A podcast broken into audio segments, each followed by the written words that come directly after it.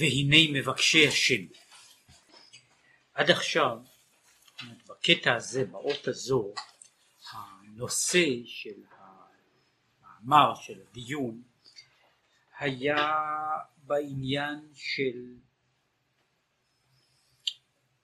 אף על פי שדובר במעלת התורה, במעלת התורה ובמעלתה האובייקטיבית של התורה, דובר גם כן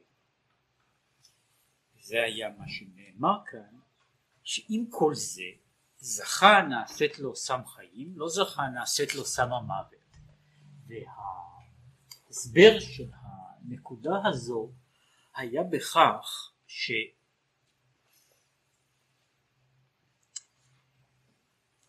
יחד עם התורה כתורה יש גם המעורבות האנושית.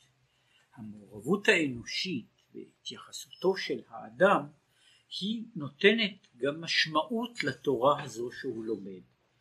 ומתוך המעורבות הזו יכולים להיווצר דברים שונים לטוב ולרע והאדם יכול אה, להפוך את לימודו ואת תורתו מתחום הקדושה לתחום ש, שיכול להיות תחום של קליפה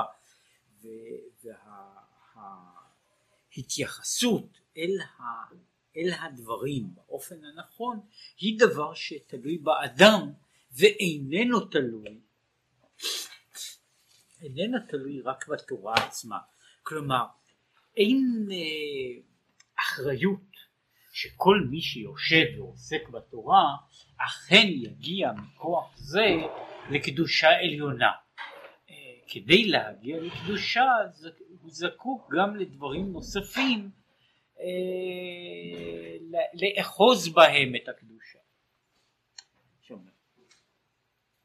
והנה מבקשי השם יבינו כל שכמו שהוא לעניין תורה כך כיוצא בזה הוא לעניין עבודת הלב באהבה ויראה. זאת אומרת כשם שבתורה יש אופנים שונים או דרכים שונות או הטיות שונות שתלויות באדם. כך נכון גם לגבי עבודת הלב כלומר לא רק לגבי עבודת לימוד התורה שהוא במובן זה עבודה שבמוח אלא גם לגבי עבודת הלב שהיא באהבה וביראה.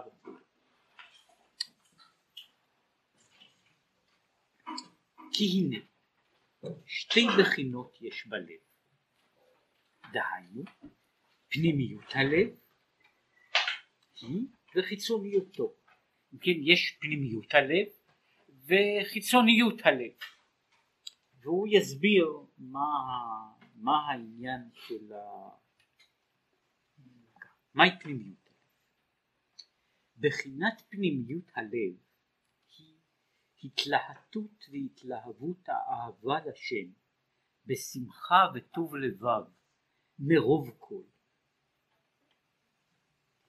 שהוא שמחת הנפש האלוקית המשכלת ומתבוננת באור אינסוף ברוך הוא, מקור חוצה בה ושורשה, שהייתה כלולה במאצילה ברוך הוא טרם ירידתה לעולם הזה.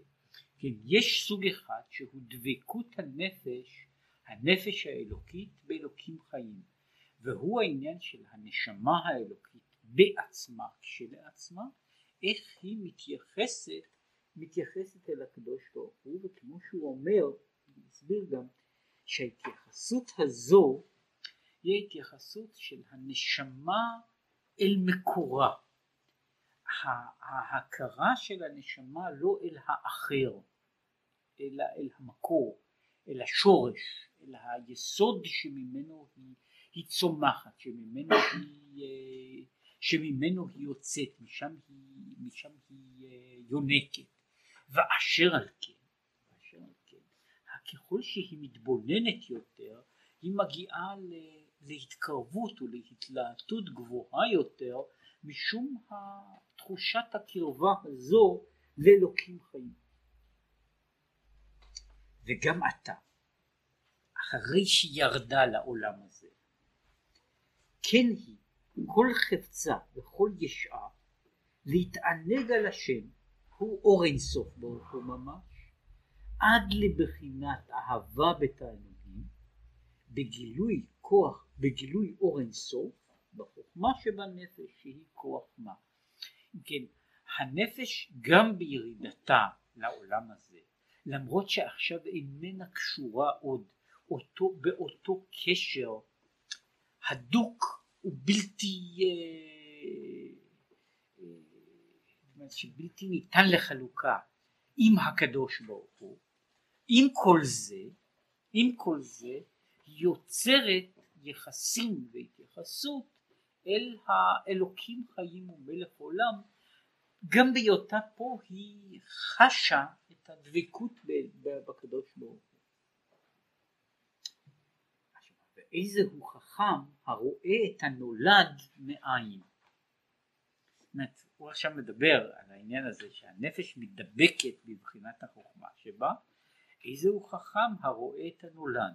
והנולד הוא, זאת אומרת, שאדם יכול לראות את התהליך, יכול להכיר בתהליך הזה של לידת העולם, בתהליך הזה כיצד נוצר העולם, כיצד הוא אה, אה, מתהווה מן העין.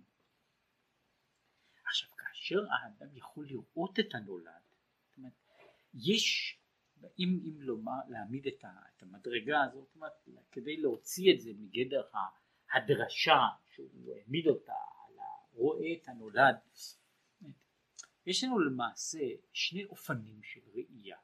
יש אופן של ראייה שאנחנו רואים שהוא לאו דווקא ראיית החכם, והוא הראייה שה, שהאדם רואה את המציאות כפי שהיא. החכם הוא הרואה את הנולד, לאמור הוא יכול לראות את ההתהוות של הדברים עוד לפני היותם, ובאותו אופן הוא יכול לראות מהותם של הדברים גם כן לפני היותם. כלומר יש לנו כאילו שני אופנים של ראייה. יש אופן של ראייה שרואה את הסטטוס קוו, את המצב הקיים, את המציאות העומדת לפניי, ויש אופן ראייה שרואה את המציאות שלא באותו מצב.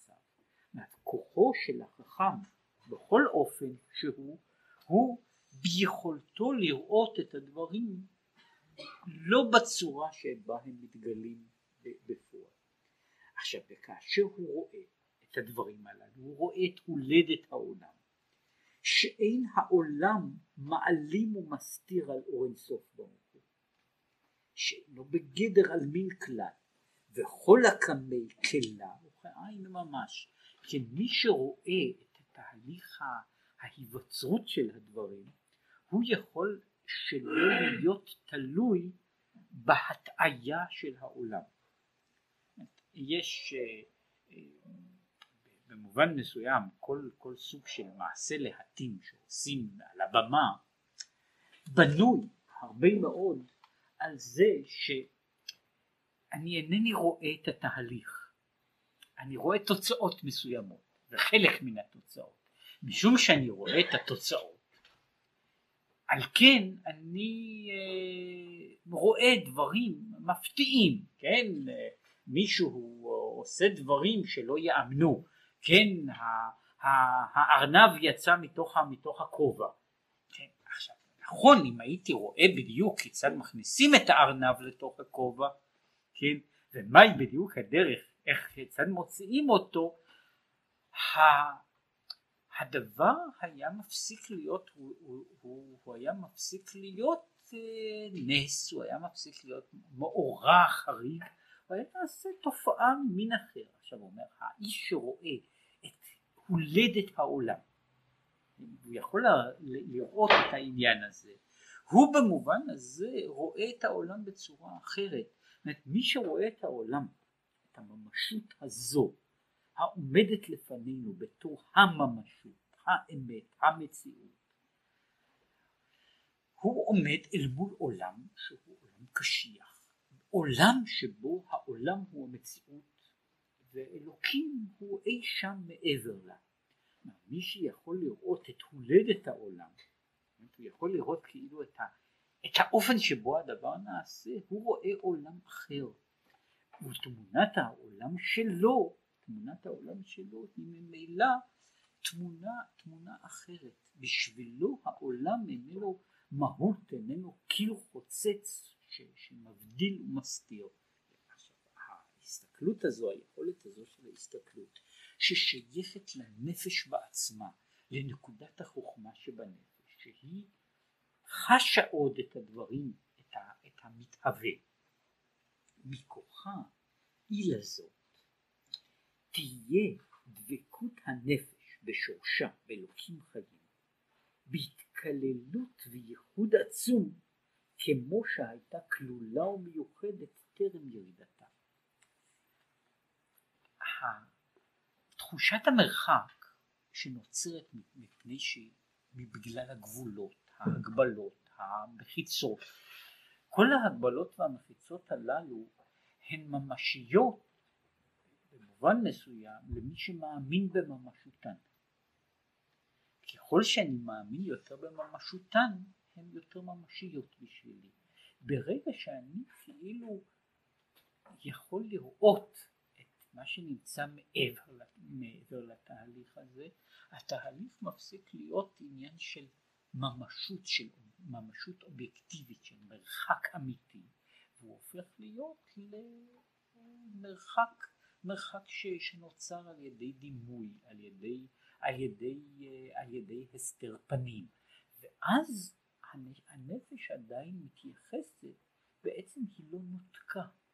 אומרת, הניתוק הזה של הנפש על ידי זה שהנפש יורדת אל תוך גוף, גוף גשמי, והיא נמצאת בתוכו והיא פועלת בתוכו, הוא בזמן שהנפש מכירה שההגבלות הללו אינן הגבלות אמת, אין מציאות אחרת אמיתית שיוצרת את המחיצות הללו, בזמן שיש הכרה כזו, ראייה כזו, ממילא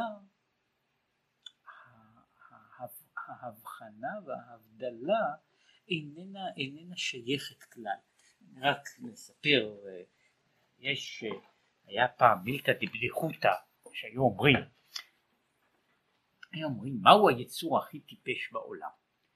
היו אומרים שיש ככה, ידוע שהחלמאים הם שוטים וידוע שחזנים הם שוטים, וידוע שתרנגולי הודו הם שוטים. כן, לפי זה היצור הכי טיפש בעולם הוא התרנגול הודו של החזן מחלק. עכשיו, מה הטיפשות שלו? אני רוצה לכלוא את התרנגול הודו הזה. מה אני עושה? אני מסמן מסביבו מעגל בגיר, והתרנגול איננו יוצא מתוכו. הוא יודע, יש מעגל מגיר, הוא איננו יוצא מתוכו. עכשיו, מה שאני רוצה לומר, שוב לגבי ההקשר הזה או לגבי הדברים הללו, הרי בעצם הוא אומר שהמעגל הגיר הזה הוא מעגל כל העולמות שלנו. כן? עכשיו אם תרנגול הודו יודע שזהו מעגל ואי אפשר לעבור כן יש לו מחיצה שהוא איננו יכול לצאת ממנה. ברגע שהוא איננו מקבל את אמיתותה של המחיצה הזו, כן, אז הוא הולך ויוצא ויש לו מעגל של גיר. אם, אם להעמיד את זה, זאת הבעיה פה איננה מה שקוראים במקומות אחרים המאיה, ההטעיה הגמורה. הממשות הזו היא לא ממשות מפסיקה, היא לא ממשות חוצצת, אלא אם אני מאמין במהותה, בממשותה, בחיוניותה של, של ההפסקה הזו אז אני מרגיש את עצמי רחוק. בזמן שאני יכול לראות כיצד הדבר הזה נעשה ומה הוא נעשה ומהו תוכנו באותה שעה החציצה הזו איננה קיימת. ואז נמצא הדרך הזו נמצאת היא עדיין פתוחה. ועל זה נאמר יום ליום יביע עומר כמעיין הנובע ממקורו שמתאחד עמו ומזה תהיה שמחת הנפש בהשם עושיה הוא אור אינסוף ברוך הוא השורה ומתגלה בחוכמה. כן כאשר הנפש מכירה את הדבר הזה אם כן אומר הנפש אז רואה את עצמה כמו כהמשכה של המעיין. זהו מעיין אחד שנמשך מן המקור שלו והמקור הוא נובע ויום ליום יביע עומר יש כאילו אור לאור מדבר משום שהוא מכיר את, ה, את, ה, את, ה, את העובדה שבעצם הוא לא מנותק שהניתוק הזה שקיים ביניהם שהמרווח הזה שקיים ביניהם איננו אלא מרווח של כאילו מרווח של נגיד וכו'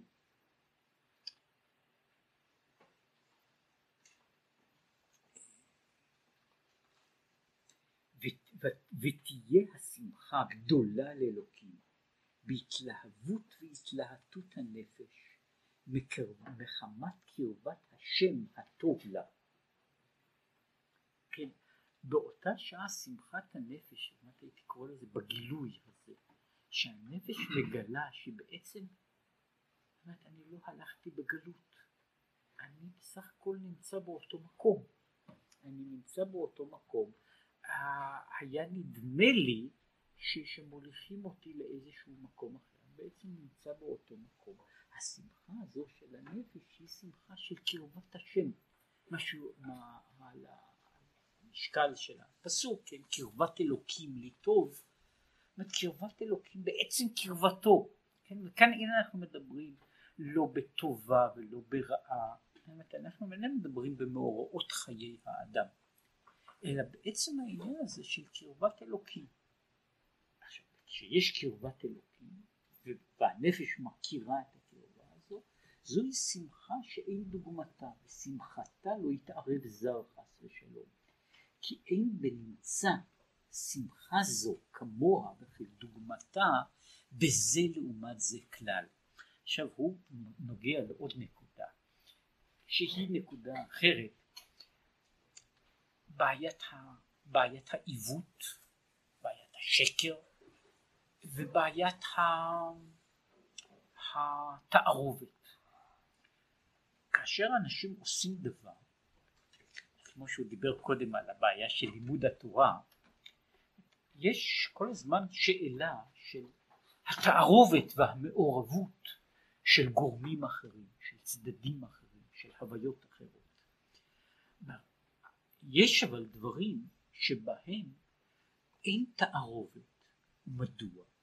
משום שסוג כזה של דבר אין דוגמתו בצד האחר. אם יש שני דברים שאחד מהם שייך לצד הקדושה, אחד שייך לצד הטומאה, כמו שכתוב בספרים שיש יש ההיכל של המלך וההיכל של העבד והם נראים אותו דבר. במקום ששני ההיכלות נראים אותו דבר, יכול להיות שאני נכנס להיכל הלא נכון, ואינני יודע מה אני עושה. במקום שיש דבר שהוא יחידאי ואין דומה לו, במקום כזה אין מקום של הטיה. אגב, שוב, בעולם הגשמי, כל מיני רעלים, כל הסוגים, פועלים כנראה על הגוף באופן הזה, הם uh, מתחברים לכל מיני מולקולות מפני שהם דומים לדברים אחרים. זאת אומרת, מפני שיש להם דמיון ויש להם אותן נקודות אחיזה, לכן הגוף קולט אותם מתוך שהוא טועה בין דבר לדבר. הוא טועה ולוקח, נאמר, חומר רעיל במקום חומר חומר מזין משום שיש איזושהי נקודת אחיזה, יש נקודת דמיון, בצד מסוים, בחלק מסוים של המולקולה יש זהות ולכן שם יכול, יכול, יכולה להיות אחיזה, אבל כשיש דבר שהוא אחר לגמרי, שם לא יכולה להיות טעות, שם יש, עכשיו הוא אומר, שמחת הנפש הזאת שהוא תיאר איננה יכולה לבוא לידי הטעיה משום שבזה לעומת זה עם כל זה שהוא, שהזה לעומת זה הוא במובן זה תבנית ראי של קדושה טומאה. בתבנית הראי הזו לא כל דבר מועתק, יש דברים שאי אפשר להעתיק אותם, הוא מסביר מדוע לא יכול להיות, שהיא מבחינת יחידה שבנפש, שאינה מלובשת כלל בלבושי הגוף והנפש הבעמית, רק שת תתמלא הנפש אורה ושמחה לשם לבדו. עכשיו חלק מהעניין הוא משום ששמחה כזו שייכת למדרגת הנפש שאיננה קשורה בעצם בגוף, מה שנקרא יחידה שבנפש, שזו הדרגה הגבוהה מדרגות ההוויה של הנפש. עכשיו בדרגה הזו זוהי הנפש שאיננה מתייחסת, איננה מתייחסת למעשה אל חיי הגוף. כמו שהוא אומר, שמחה כזו באלוקים היא שמחה לא של הנפש, הנפש הזו שחיה בתוך הגוף, שנהנית מתוך הגוף, אלא הנפש שנמצאת בדרגה לגמרי, לגמרי אחרת. רק אם להעמיד את הדבר בדימוי הרבה יותר ממשי. מגיעה שבת, אדם אומר, הוא מרגיש את קדושת השבת. מרגיש קדושת השבת. עכשיו זה בהחלט ייתכן שמה שהוא מרגיש איננו קדושת השבת. הוא לובש בגדים, בגדים נקיים, בגדים יפים. הוא אכל ארוחה טובה. הוא עכשיו נח קצת. עכשיו מה שהוא מרגיש הוא בעצם מה שקוראים אותה תופעה שהוא היה יכול להרגיש ביום רביעי, כן? אם הוא היה מתרחץ, מתלבש, אוכל ויושב בשקט עם המשפחה, יכול להיות שהיה מרגיש אותה הרגשה בדיוק. עכשיו הוא יכול להיות שהוא יטעה את עצמו שהוא עכשיו מרגיש את הקדושה ממש. מה שהוא מרגיש הוא הרגשה. מדוע? משום שההרגשות הללו יש דבר כזה שהוא חייב, הוא משותף עם חיי הגוף וחיי הגוף הם חלק מאותו מה, מהעניין הזה. או משום שהם חלק מה, מהתופעה לכן יכולה להיות תערובת. עכשיו במקרה של שבת התערובת היא לא מסוכנת. במקרים אחרים התערובת יכולה להיות מסוכנת. זאת אומרת יש מקרים אחר כך עוד קצת ידבר על זה. יכול להיות שבן אדם חושב שהוא עכשיו נמצא באיזו מדרגה. איזו מדרגה של אה, התרגשות עליונה, כן? מה שיש שם זה יש אה, איזה שיווי משקל, אה, שיווי משקל כלשהו, חוסר שיווי משקל כלשהו שהוא גופני לגמרי, שהוא נותן לבן אדם, זאת אומרת הבעיה, ודיברו על זה הרבה מאוד, יש למשל, סיפרו שהרבי אלימלך ציווה על החסידים שלו שלא ישתו שום משקה משכר בחצי השני של חג הסוכות וכל שכן לא בשמחת תורה כדי שלא לערב דבר אחר בתוך שמחת התורה.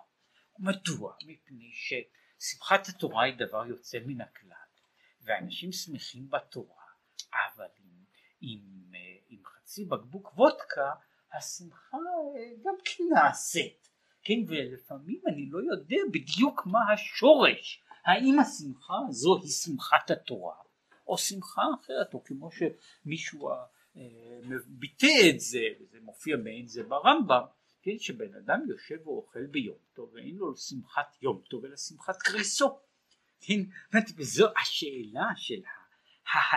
אני עכשיו מדבר לא על מישהו עושה שמחת קרסו בצורה ברורה, ולפעמים יש תערובת, קשה לדעת מהם הגבולות המדויקים שבהם הדברים נעים מנקודה אחת אל, אל, אל השנייה.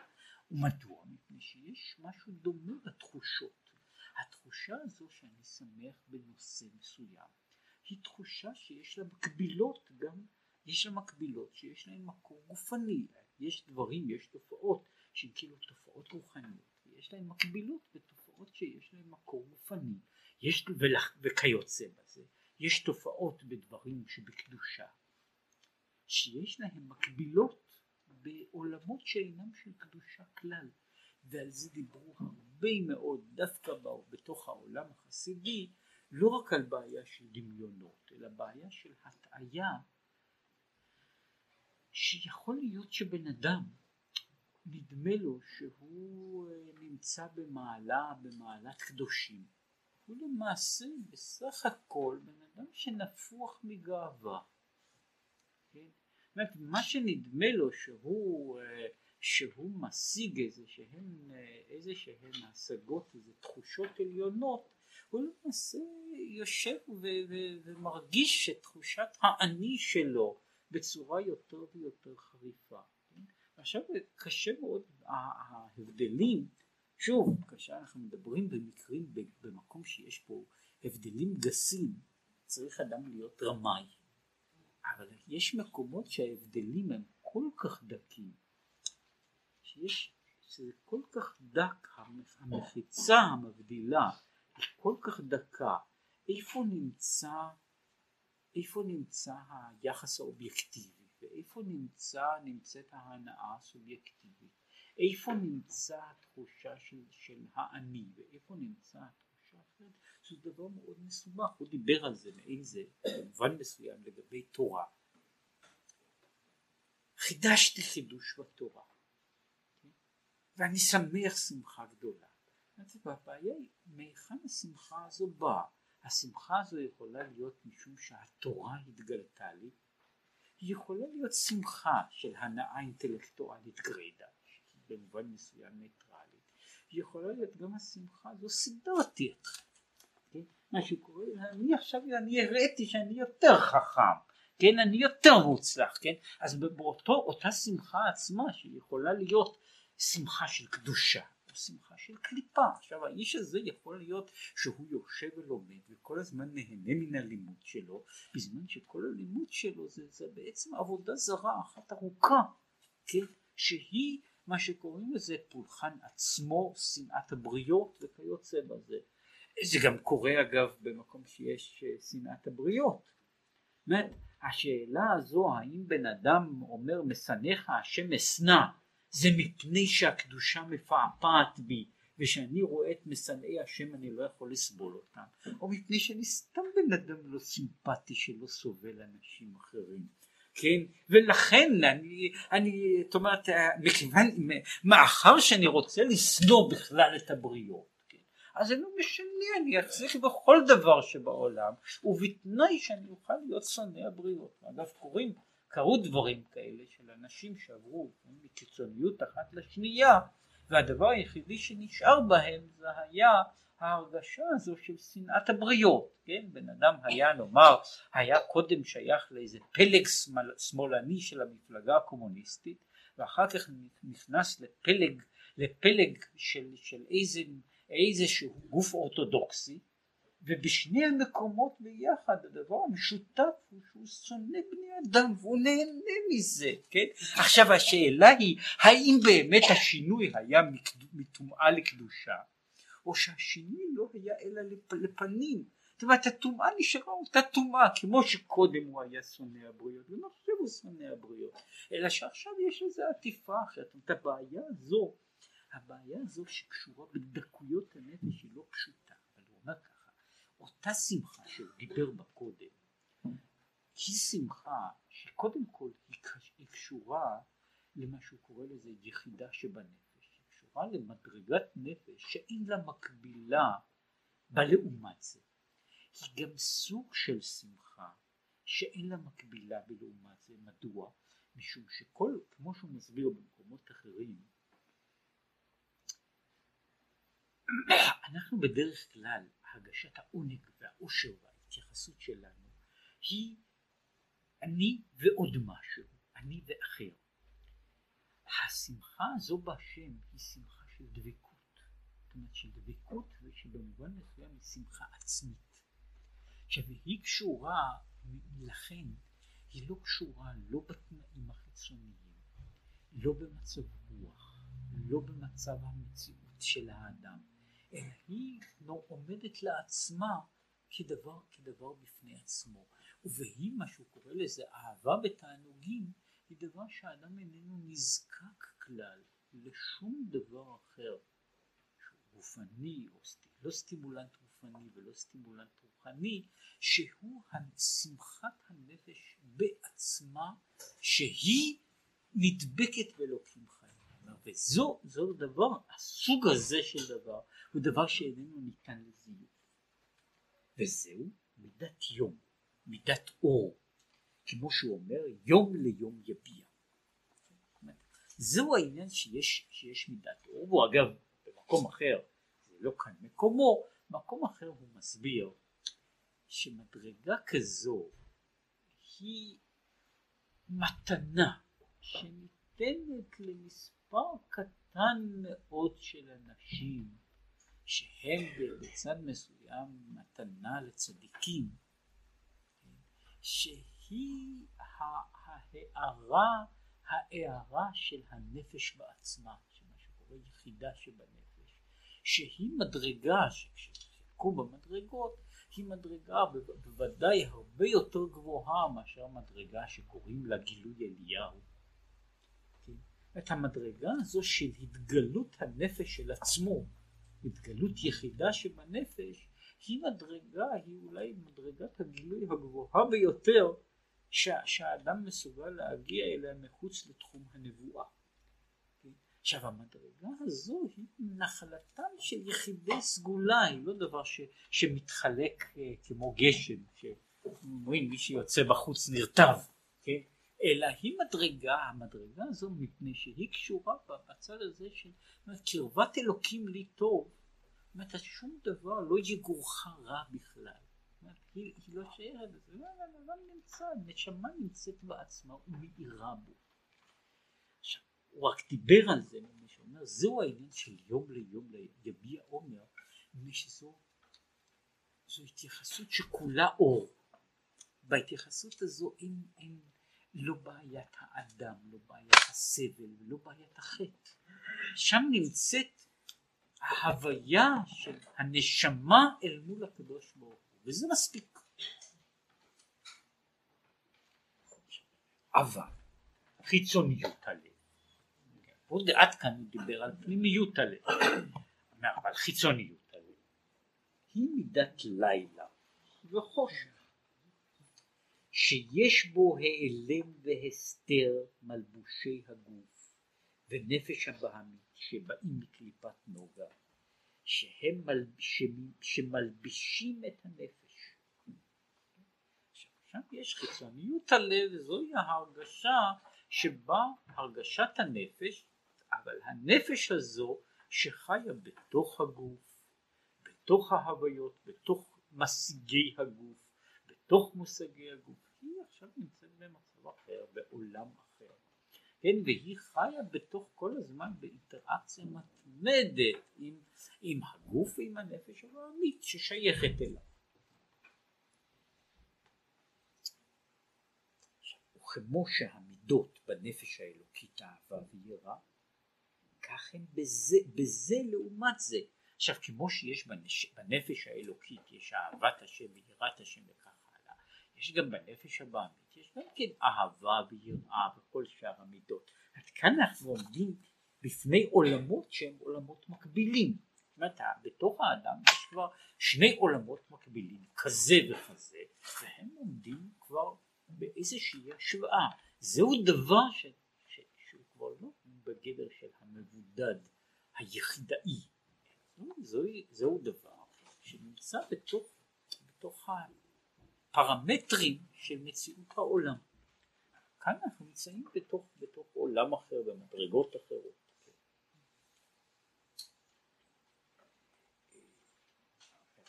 כי אהבה זו היא מבחינת ייחוד התתאה. וייחוד התתאה לעומת ייחוד העילאה הוא שנראה העולם ליש ודבר. מחמת התלבשות אור אינסוף בהשתלשלות וירידת המדרגות עד שנעשה עולם הזה הגשמי. ייחוד העילאה הוא התפיסה של אין עוד מלבדו. ייחוד התתאה היא אה, תפיסת האלוקות מתוך ההכרה וההנחה של ממשות העולם.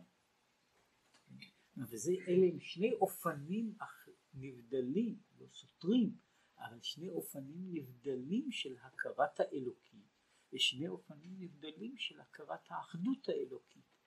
יש האחדות הזו של אין עוד מלבדו, של מה שמישהו קרא לזה במובן אחד תפיסת היחיד, כן? לעומת התפיסה של האחד, התפיסה של, של, של ה... שבעצם אין, אין כל דבר אחר, זה ייחוד העילה. ייחוד התתאה הוא, הוא העניין הזה שבא מלמטה, שהוא מניח את קיום העולם, והוא חי בתוך קיום העולם, וקיום העולם הוא בשבילו ממשות גמורה, כן? ומתוך הממשות הזו הוא מתעלה להגיע למעלה. ולכן צריך מלחמה. לכן, משום שבתוך התפיסה הזו, בתוך האהבה והיראה ושאר המידות הללו, יש, יש עולם, ובעולם הזה יש לו כל מה שיש בעולם של מעלה יש בעולם של מטה, מה שיש בקדושה יש בשלא בקדושה, לכן כדי להגיע במדרגה זו לקדושה יש צורך במלחמה, זהו עניין של מאבק, יש צורך במלחמה, וכמו שאומר לאום מלאום יאמץ, מלחמה שמתאר יעקב ועשיו, הם נמצאים שני התאומים הללו נלחמים זה בזה מי יקבע, וכמו שכתוב ואלמלא הקדוש ברוך הוא עוזרו לא יכול לו, ובכל יום ויום יצרו של אדם מתגבר עליו לאמיתו, ואלמלא הקדוש ברוך הוא עוזרו לא היה יכול לו. אם כן, יש, זו מלחמה שהיא בנויה פחות או יותר כמלחמה שקולה בין שני הצדדים של ההוויה. ובתוך המלחמה הזו, בין דבר לדבר, יש, יש צורך גם בסייעתא דשמיא כדי שבן אדם באמת יבחר בטוב ולא להפך. שיש בכל זאת בכוח נפשו לעורר את האהבה עד שתחפץ. מה היא תחפץ להתפשט מלבושיה, לפי שבאמת אינה דבר נפרד, אבל רק הייחוד הוא מבחינת ייחוד התתאה. אני יכול להביא, זה אומר הקדוש ברוך הוא עושה, שיש הערה שהנפש רוצה להגיע לייחוד עם הקדוש ברוך הוא, שהיא רוצה להגיע למצב כזה שאני אהיה מול השם לבדו, בלי מחיצות ובלי חציצות. אבל למרות שאני, אני יכול לרצות את זה באמת, לחפוץ בזה בכל לבבי באמת ובלב שלם, בכל זאת המציאות של העולם קיימת בשבילי. באותה שעה המציאות של העולם היא עדיין מציאות אובייקטיבית גמורה, ממשית. אני מנסה כאילו להתעלם ממנה. אני מנסה ש, שהיא לא תפריע לי, כן? אבל היא קיימת. אומרת, יש, יש ההבדל, אומרת, אם הייתי מעמיד את זה, אומרת, יש, יש הבדל אם אני אה, אה, אינני מכיר במחיצות, או שאני מנסה לבקוע מחיצות. יש, מי ש... אם אינני רואה שום מחיצה לפניי, או שאני רואה מחיצה ואני בכל זאת רוצה לעבור אותה. אומר, זהו ההבדל בין ייחוד העילאה וייחוד התתאה. בייחוד העילאה אין מחיצות, בייחוד התתאה יש מחיצות. אבל אני מנסה לצאת מהן, אני מנסה, מנסה להתגבר ול, ול, על, על המחיצות הללו. ועל זה התפלל דוד המלך עליו השלום. יחד לבבי. מה זאת אומרת יחד לבבי? אף על פי שהם שני לבבות לכאורה. זאת אומרת, כאן יוצא פה, יש פנימיות הלב וחיצוניות הלב. הנפש בתוכה והנפש ב- ב- בתוך חווייתה הגופנית.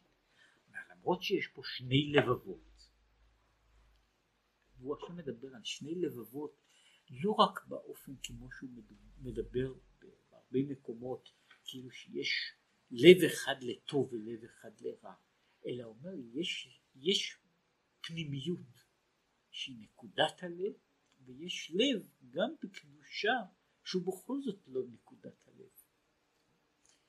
עכשיו, אז אף על פי שהם שני לבבות, מידת יום ומידת לילה, אינם נפרדים בעצמותם חס ושלום. ההבדל הזה הוא לא הבדל אמיתי, הוא לא חציצה אמיתית שיש באמת שני תחומים, זאת אומרת שני התחומים הללו הם אינם שני תחומים נבדלים, נבדלים באמת, אלא שהם, זה לא, יש, יש סוג של דבר של מחיצה, שאני יכול לומר, טוב, אני נמצא פה, כאן מסתיר בפניי, יש הר שמסתיר בפניי את הנוף. מה אני צריך לעשות? אני צריך לעלות גבוה יותר. כשנמצא גבוה יותר שם אין יותר מחיצה, הכל פתוח לפניי. עכשיו, אבל בכל זאת, ההסתר שלמטה הוא הסתר ממשי. זה לא ככה. האמת היא שגם שבכל הצדדים מלמעלה ומלמטה הכל הוא אחד, אלא שיש הסתכלות של מטה והסתכלות של מעלה, והן אינן אחד. רק מידת הלילה היא בחינת גילוי לעצמיות המידה שהיא מידת יום. זאת אומרת, הלילה, שהוא קרא לזה, הלילה שבתוך האדם, הוא החלק הזה, אותו לילה, הלב החיצון, הוא הגילוי החיצוני של הלב הפנימי. זאת הלילה הוא, הלילה מקפל בתוכו את היום. הלילה מסתיר בתוכו, הוא עוטף בתוכו את היום.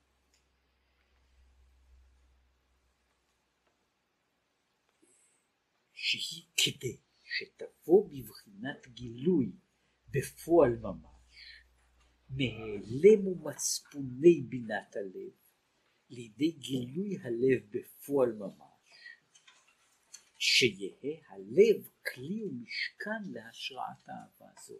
כן, בעצם המטרה היא, המטרה היא שהאדם, זאת אומרת, ההסתר איננו נבנה כדי להיות קיים, אלא כדי להיות אתגר, כדי שאפשר יהיה להתגבר עליו, כדי שאפשר יהיה לעבור אל הצד האחר שלו, ומטרתו בעצם היא להגיע עד למצב כזה שגם הלב, קורא לזה הלב החומרי, ההוויה האנושית הזו, גם היא תוכל להחזיק בתוכה את המהות, את המהות של מעלה. וכן אהבה עליונה הבאה מלמעלה מן, מן ההשתלשלות, בחינת אהבה בתענוגים, מבחינת ייחוד העילאה, תהיה בגילוי הנפש באהבת הלב המלובשת בגוף ונפש הבהמית שהיא אהבה מייחוד התתאה. הרצון הוא בעצם מה שהוא קורא לזה יחד לבבי. הוא אומר, כדי שהלב, הלב יוכל להרגיש, הלב יוכל להרגיש בתוך הגוף את כל אותם הדברים שהוא יכול להרגיש מחוץ לגוף. כדי שהאדם יוכל להרגיש בתוך המחיצות את כל הדברים שהוא יכול להרגיש מחוץ למחיצות. עכשיו, זו, זו, זו בעצם המטרה של הדברים. כמו שאומר, לאמיתו של דבר אין הבדל חציצה אמיתית. החציצה הזו אומנם היא קיימת, אלא היא, היא דבר שאפשר אפשר להתגבר עליו. בעולם של מעלה, אני אינני, בעצם אינני רואה את המחיצות. בעולם של מטה, אני צריך ללמוד לא לראות את המחיצות. בעולם של מטה אני נמצא בסוג אחר של ראייה, ובו אני צריך ללמוד מחדש, שזה אגב במידה מסוימת זו אחת ההגדרות של, של ה...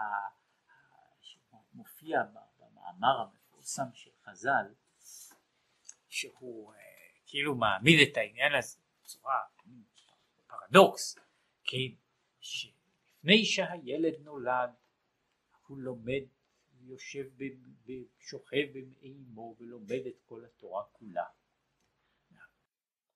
זה שבעצם מה שהוא צריך לעשות במשך ימי חייו זה ללמוד פעם שנייה את מה שהוא למד כבר. הוא לומד עכשיו, הוא מנסה עכשיו ללמוד מחדש את הדברים שהוא ידע. כן, וזה הוא אומר בכמה מקומות, יש מקום הזה על מושכני אחריך נרוצה הביאני המלך הרב. אומר, מכיוון שפעם כבר הייתי בחדריו, לכן אני יכול לחזור עוד פעם. מה שאני, אמנם אינני, אינני זוכר שום דבר, כן? אבל אני כבר ידעתי את כל הדברים הללו. עכשיו היחס הזה בין למעשה אומר הנפש בתוך הגוף, כשהנפש נולדת בגוף זה בדיוק מה שקורה לה, היא שוכחת את כל מה שהיה לה כהוויה, כהוויה נבדלת. אבל היא צריכה לנסות להיזכר בכל הדברים הללו. וכאשר היא נזכרת בהם, לה, היא איננה צריכה לקלוט דברים אחרים. לקלוט את הדברים בצורה, בצורה אחרת, זה בוודאי, זה לא אותו דבר, זה לא אותו סוג של לימוד. אני עומד ב, ב, ב, ב, ב, באופן אחר ובבעיות אחרות, בכדי להגיע לאותם, לאותם הדברים, לאותם הסיכומים.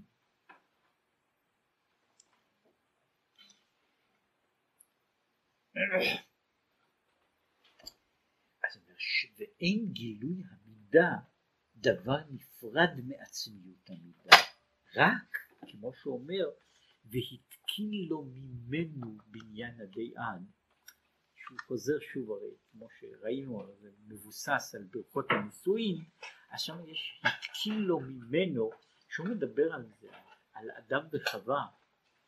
הוא מסביר שאדם וחווה הרי בעצם איננו אינם שתי מהויות אלא הם מהות אחת שהופרדה.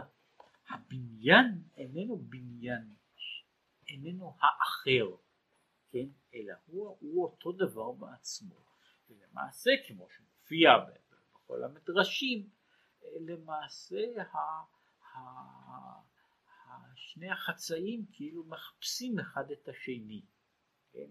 אומרת מפני שהם אה, שייכים שייכים שייכים זה לזה ולכן הם מחפשים אחד את השני כדי לא כדי להיות כן בשביל להכיר את האחר כן? אלא במובן מסוים כדי להכיר את עצמו שזה, שוב, בזה קורות מטעויות עד לשאר דברים באותו, באותו נושא עצמו. אלא שאי אפשר שתבוא בחינת אהבה עליונה לידי גילוי רק על ידי מידת לילה וחושך שהוא צמצום האור והתלבשותו בירידתו מדרגה אחר מדרגה עד שקנה שם לעצמו מידת לילה בייחוד התתאה ונראה כאילו הוא דבר נפרד.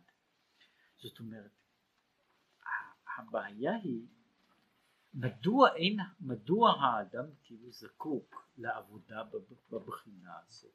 משום שאין לו שום דרך להגיע בתוך, בהיותו בעולם הזה לייחוד העילאה בלי להקדים ייחוד התתאה. זאת אם אינני יכול, אם אינני לומד את הדברים בצורה הזו, אני אינני יכול ללמוד אותם בצורה, בצורה האחרת. אינני יכול להגיע להשגה של מעלה בלי להקדים לה את, ה, להקדים לה את ההשגה של מטה. זאת אני במובן מסוים אני צריך להתחיל מתוך, מתוך המציאות של העולם, לבנות את עצמי מתוך המציאות הקיימת, ומתוך המציאות הזו אחר כך לצאת איכשהו אל, אל, אל הדבר האחר, אם אני מגיע ומצליח. ולכן להתפלל יחד לבבי, כן? העניין הזה של יחד לבבי הוא, הוא בעצם התפילה, אחרי שמת הלב כאילו חצוי, יש לו איזה חלק נעלם שיודע דברים באופן אחר, ויש לו חלק גלוי שמכיר אותם בצורה אחרת. להתפלל, זאת הייחוד הזה, ייחוד התתאה, או מבחינה זו כמו שהוא אומר, ייחוד התתאה איננו, זה שוב לא חלק מהמאמר הזה, ייחוד התודעה הוא אה, הכרחי כדי להגיע לייחוד העילאה. אם אינני יכול להגיע לייחוד התתאה, כל מה שאני יכול להצהיר לגבי ייחוד ההילאה יהיה רק הצהרה ריקה, חסרת, חסרת תכנים. אם אינני יכול להגיע להשגה שעומדת עם ובהתאם ובקשר עם כל מגבלות, מגבלות הגוף והוויות הגוף, אינני יכול להגיע, לצאת להשגה, להשגה של מעלה. עכשיו, הבעיה, אה, רק לומר על, אה, אה, בדרך אגב, כן, פעם לפעם יש פיתוי למצוא איזשהו פטנט, כאילו לדלג על, הדבר, על הדברים הללו, כן? אנשים מנסים כל מיני דרכים, כל מיני קסמים, כן? כדי שיוכלו להגיע להשגה עליונה בלי ההשגה, בלי ייחודת התאה.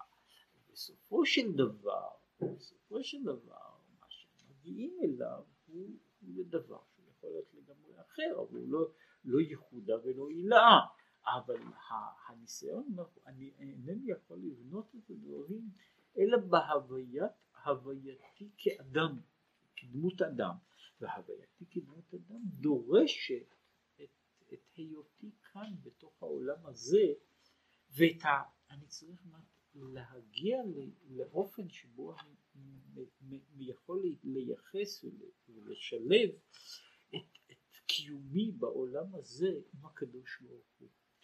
אם אני יכול להגיע לדרגה כזו, אני יכול אחר כך לנסות לעבור מעבר, מעבר, לה, מעבר למציאות הזו.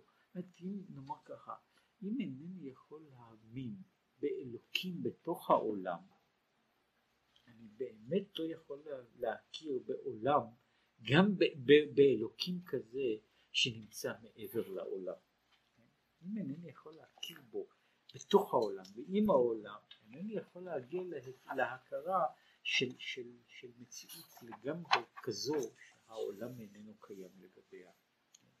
עכשיו, והנה, בגילוי המידות, מאחר שנראה כאילו הוא נפרד, ויש, ויש שם התלבשות הגוף ונפש הבעמית שמנוגה, מעלימים ומסתירים. לכן יש אחיזה לקליפות וסטרה אחרה להתאחז ולינוק מעיקר הקדושה חס ושלום. שוב, מכיוון, אומר ככה, בהוויה של, ה, של האהבה עליונה, ייחוד העילאה, שם אין מקום לקליפה, מפני שזו ההוויה מיוחדת, מופלאה, מופלאה, שאין לה שום הקבלה ושום דמיון בעולם הזה. אבל לאותה אהבת השם ויראת השם שקיימת בתוך, בתוך הגוף ובתוך ההתייחסות וההתקשרות למשיגי הגוף, שם יש אחיזה לקליפות. יש אחיזה, הקליפה יכולה יכולה לנגוע בדברים הללו ויכולה לינוק מהם. ולזאת, כאן חוזר שוב, צריכה להיות המשכת החותם. לכן כאן חוזר שוב לחותם, לחותמי ברכות לחותם, דהיינו, להיות המשכה וברכה עליונה להפריד הקליפות ושלא תהיינה גילוי המידות כי אם לייחודו גם כן. שכתוב יחד לבבי. זאת אומרת, לצורך זה יש צריך השפעה שמה שקורה לא, יהיה, לא יגיע לתחום אחר ושלא יבוא לידי הטעיה.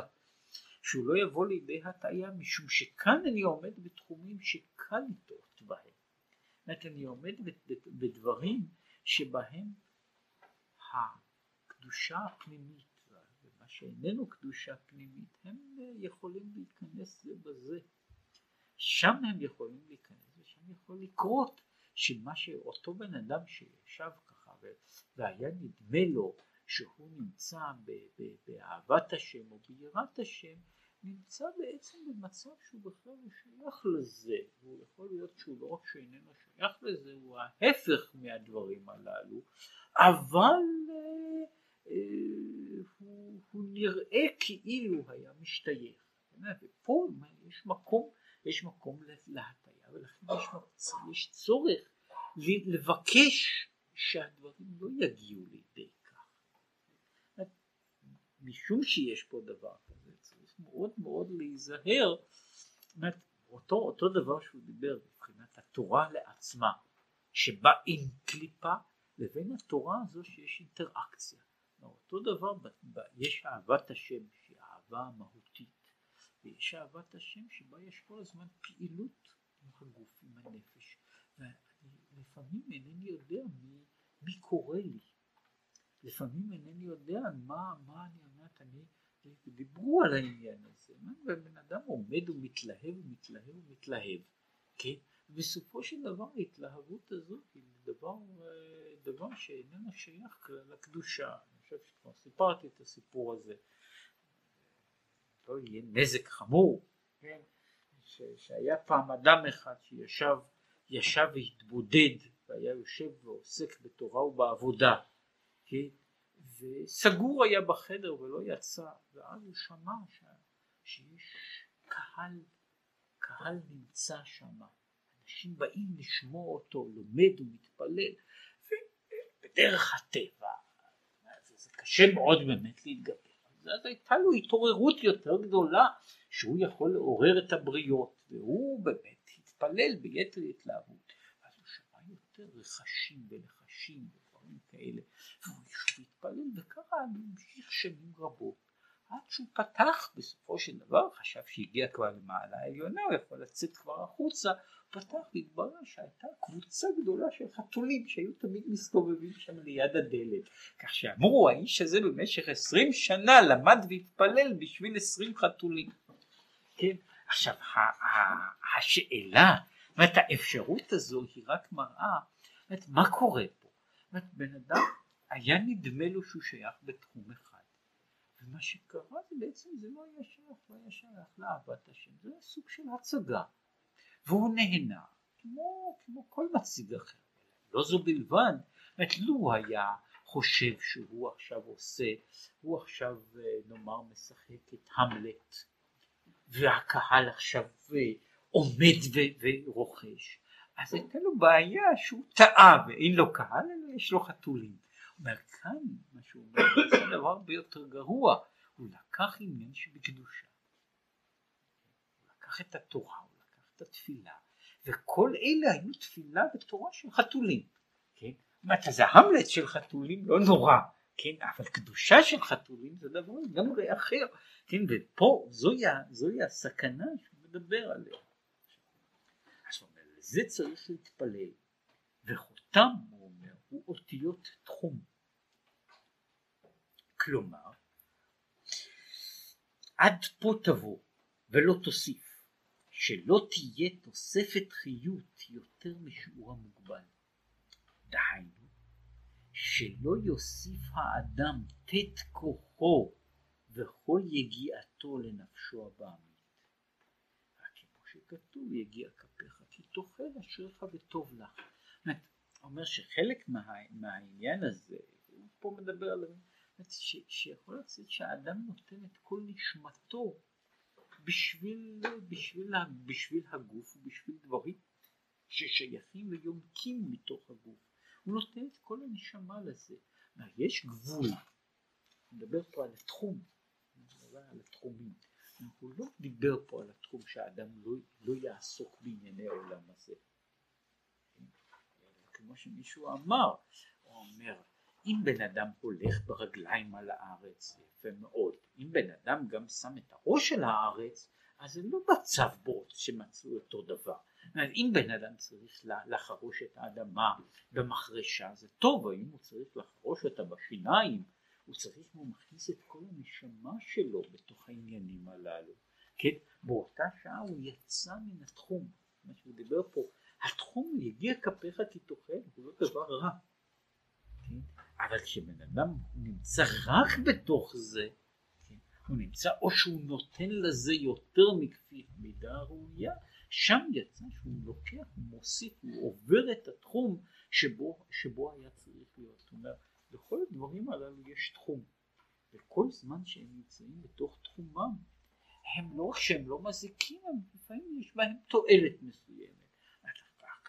הסכנה היא שבן אדם יוציא, יצא מחוץ לתחום, כן? וזה בעצם המעבר הזה, היציאה הזו היא התחום, היא הבעיה של הסיכון. עכשיו, ובזה מעורר למעלה בהתערותא דלתתא, זאת אומרת על ידי זה שהוא נוהג בעצמו, שהוא נוהג בעצמו,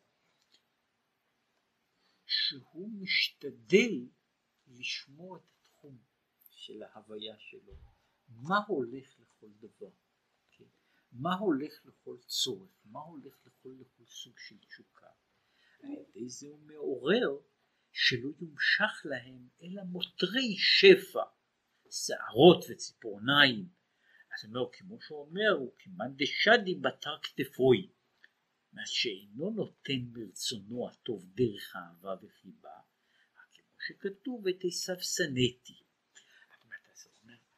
לא, על ידי זה הוא לא משמיד את כל מה שאיננו קדושה, הוא עושה על ידי הפעולה שלו בהתערותא דלתתא שיש אותו דבר נוצר בכל העולמות כולם שיש גבול ולכן הרע בכל התחומים שלו נשאר טמון בתוך גבולות שלו.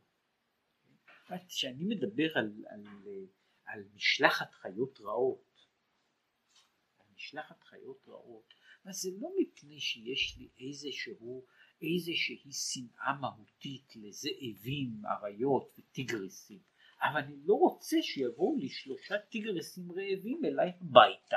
כן, כל זמן שהוא יושב בתוך היער, הוא, הוא יושב לו בתור טיגריס, אני יושב במקום שלו, אבל כשהוא בא אליי הביתה, זה מצב לגמרי אחר, זו הבעיה, כל הבעיה של הריסת תחום.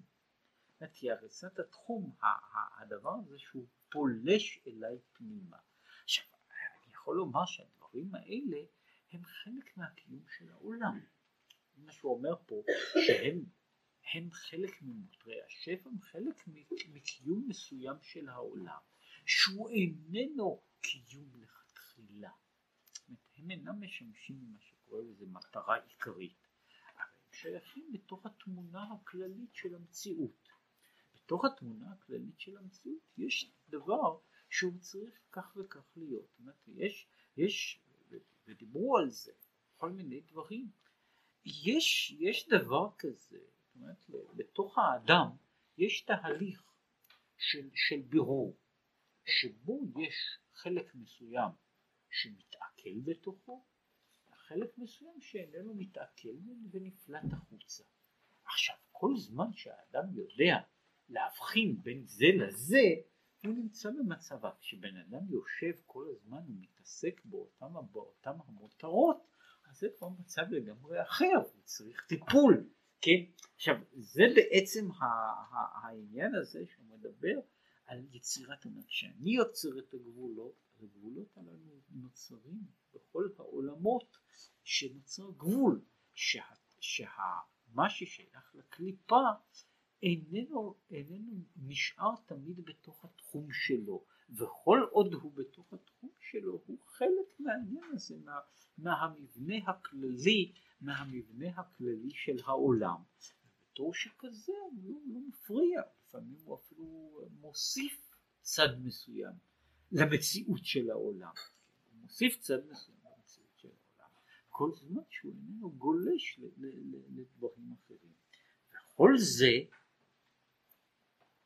בהתערותא דלתתא תליא מילתא. כל העניין הזה הוא תלוי, כדי שיהיה דבר כזה למעלה, אני צריך לעשות אותו מלמטה. אני צריך מלמטה לדאוג מאוד לשמור את התחומים שלי. והכוח להתערותא דלתתא זו, שיהיה תלוי בזה התערותא דלעילא, הוא מבחינת חותם הנ"ל. העניין של החותם, החותם הזה, שהוא דיבר על החותמי הברכות. את החותם של הברכה הוא לפי זה הוא אומר, הוא היכולת של, הוא אומר ככה, יש ברכה שאינה צריכה חתימה. מדוע? כל ברכה שאינה צריכה חתימה היא ברכה שעומדת בעולם גבוה. בעולם גבוה אינני צריך לבנות, אם הוא גבוה מאוד הוא איננו זקוק לתחומים, מפני ששם שום דבר לא יכול להזיק. כאשר אני יורד לעולם נמוך יותר, שם אני צריך, מפני שיש אפשרות של תערובת, של טעות, של סטייה, שם אני זקוק לתחומים. שם אני זקוק לבנות חותם על הדברים, לבנות להם הגדרות, גבולות, אה, הגבלות, כדי שכל דבר יעמוד בתוך, בתוך העניין שלו. שהוא אומר, העניין הזה של התחום, התחום והחותם הם תלויים ההדדי. מצד אחד ההתערותא דלתתא היא זו שיוצרת את, העניין הזה בכל העולמות, ולהפך, ברגע שאני פורץ את הגבול, הגבול הזה נפרץ, אני פרצתי את כל העולמות כולם, ואני נותן לדברים מסוג מסוים לפרוץ פנימה אל התחום, אל, אל, אל, אל העולם של, שבקדושה. מאידך גיסא, הכוח הזה בנוי ממה שהוא קורא לזה מהחותם, מכוח של מעלה שנותן את האפשרות לאדם לעשות את התחומים. יש, יש בחלק בברכה, חלק בברכה הוא גם מתן האפשרות, הוא אומר פה, הברכה, הברכה איננה יוצרת את החתימה בעצמה. היא איננה יוצרת את, את הדבר הזה שיש לי תחום שאין לו, אין לו, אין ממנו יציאה, היא רק נותנת את האפשרות, נותנת את האפשרות שהאדם יוכל לעשות גבולות. וזה חותמי הברכות הם בסך הכל מתן האפשרות לאדם לבנות לעצמו, לבנות את התחומים הללו. כפי שהוא הסביר, שוב, כפי שהוא הסביר, בכל, בכל הדברים כולם, אנחנו נמצאים, מצד אחד יש ברכה, והברכה הזו יכולה, יכולה להתפזר. ברגע שהיא הולכת למקום שאיננו נכון, כן, היא, היא נעשית בסיס ומקור של חולי, של כאב, של ייסורים, בכל אופן, בכל אופן שיהיה, היא אה, העברה של ההשפעה לדבר שאיננו נכון, שאיננו שייך, או בין שהיא העתקה גמורה ובין שהיא אה, מה שקוראים לזה שינוי של פרופורציה. יש, יש כל מיני דברים, וזה מה שהוא מסביר. אנחנו חיים אה, בסוג של סימביוזה, לא רק עם חיידקים, אלא גם עם הקליפות. וכל זמן שהם נמצאים בתוך גבולות מסוימים, הם לא, הם לא מזיקים, הם לא עושים שום דבר. אנחנו, הוא חי פה ואני חי שם. ברגע שאני שובר את זה, וההשפעה הולכת עכשיו למקורות אחרים, למקומות אחרים. אז עכשיו מתגבר, הטפיל מתחיל לגדול ולגדול, הדבר הלא נכון מתחיל לצמוח. כדי למנוע את זה, אז יש פה, צריכים לבנות תחומים. עכשיו מדבר, חותמי הברכות הם בעצם היכולת לתחום ולחתום את הדברים שתהיה איזה קומפרטימנטיזציה, משום שבעולם העליון אין צורך בחלוקה כזאת. בעולם העליון אין צורך בחלוקה, משום שהעולם העליון הוא לא פגיע, אין לו שם, אין לו שם תחומים שהוא צריך, צריך לרום מהם, ושם הכל יכול להיות פתוח. יש ההבטחה, שאגב מופיעה בכל מיני מקומות, על פרזות תשב ירושלים. מה זה פרזות תשב ירושלים? עיר חומה היא עיר שבנויה מתוך הנחה שיש אויבים מסביב, משום כך היא בונה חומה, וחומתה היא דבר חיוני לה. במקום שאין מלחמה אין צורך בחומה. חומה, חומה בנויה, בכל מקום שיש חומה היא אומרת שיש אויב. אומרת שיש אויב, קרוב או רחוק. עכשיו במקום שאני יודע שיש אויבים, זה מה שהוא אומר, אינני יכול לבנות יישוב פרזות במקום שאני יודע שיש אויבים מסביב. והחלק הזה, בניין החומות הזה, זהו העניין של החותם. לגמור, אנחנו נדבר, הברכה שכאילו מקבלת השלמה, היא מקבלת, היא מקבלת, היא נעשית ברכה סימטרית, עם התחלה וסוף. היא מתחילה ומסיימת, היא פותחת וחותמת, ושהיא מנסה, היא סוגרת את עצמה בתוך מעגל מסוים, כדי להגדיר את הקיום שלה. מוגדרת, מכאן עד כאן. וזה חשוב בתוך, בתוך העניין. הברכה, החותם של הברכה, איננו מחייב שכך יהיה במציאות. שמציאות האדם היא זו שהיא נותנת לגבי כל הברכות כולן את האפשרות שאני אסיט אותן.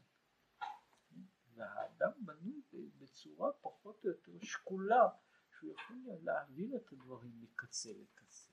עכשיו, לצורך זה הוא צריך לעשות את, ה, את ההגבלות ואת ההגדרות ואת ה, העבודה הזו. יש לו כבר ברכה, בתוך הברכה ניתנת לפחות האפשרות לעשות את הדברים הללו, שלמרות התערובת, למרות הבלבול, למרות כל זה, האדם בכל זאת מסוגל לעשות את זה.